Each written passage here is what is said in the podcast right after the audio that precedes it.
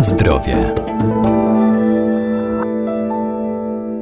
Ziołolecznictwo jest jedną z najstarszych znanych człowiekowi metod wspomagania organizmu, także w stanach chorobowych. Gojnik, zwany inaczej szałwią libańską, regeneruje i przeciwdziała zmęczeniu, wspiera układ odpornościowy i pomaga w gojeniu się ran. W swoim składzie nie zawiera cukrów, dlatego mogą po niego sięgać także osoby chore na cukrzycę.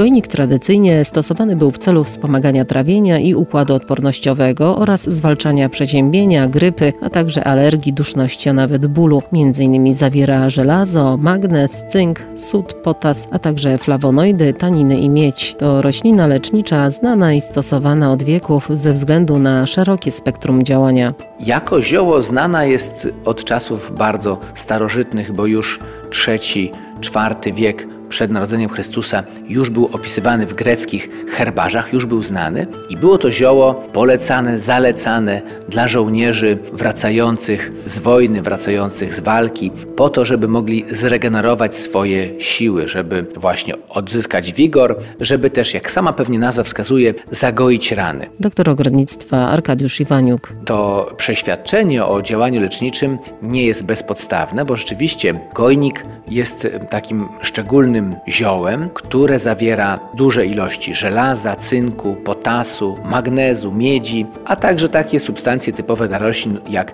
taniny i flawonoidy. Przede wszystkim te składniki, te minerały, metale, jakbyśmy powiedzieli, one są bardzo ważne dla funkcjonowania całości naszego organizmu. Wpływają na to, jak działa układ krwionośny, jak jest organizm dożywiony, jak jest zaopatrywany w tlen, wzmacnia organizm, a z drugiej też zwalcza wrogów tego organizmu, czyli wszelkie patogeny. Dobrze działa w przypadku walki z przeziębieniami, z grypą, no i ogólnie podnosi odporność przez to, że regeneruje organizm. Ponadto ma działanie uspokajające, takie tonizujące, a więc koi układ nerwowy, wpływa na poziom dopaminy i serotoniny, a więc ułatwia przekazywanie impulsów nerwowych. Na zdrowie.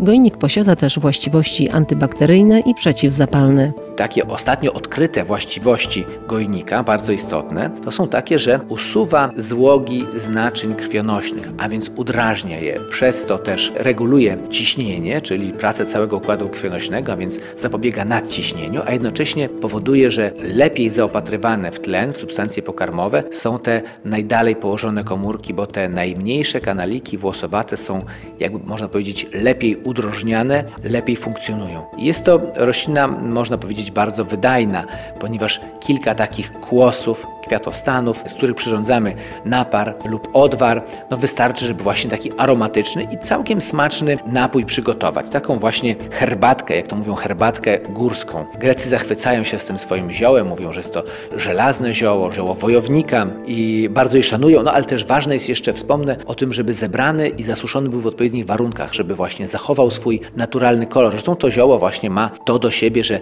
nie ciemnieje, nie czarnieje, tylko dobrze ususzone ma niemalże naturalne barwy, a więc kwiaty są nadal żółte czy żółtawe, a liście i pozostałe części pędów są zielone czy jasnozielone. I taki surowiec zapewnia nam później dobrą właśnie herbatę. Możemy to przygotować na dwa sposoby, czyli tak po naszemu, po polsku, jakbyśmy powiedzieli, zalać po prostu wrzątkiem i poczekać około kwadransa, ewentualnie troszkę dłużej podgotować, oczywiście na niewielkim ogniu czy w niezbyt wysokiej temperaturze, chwilę podgotować, wtedy ta herbata jest jeszcze bardziej aromatyczna, ma taki pełniejszy smak i bardzo dobre właściwości. Łagodzi bóle gardła. Oczywiście wynika to z tych przeciwbakteryjnych, przeciwwirusowych właściwości gojnika, a więc nie tylko zabija te nasze niepożądane e, mikroorganizmy, ale też łagodzi ból, stąd też jest bardzo zalecany w przypadku e, chorób górnych dróg oddechowych.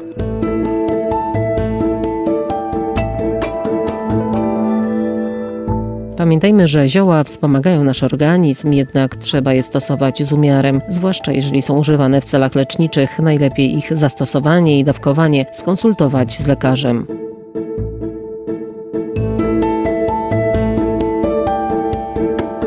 Na zdrowie.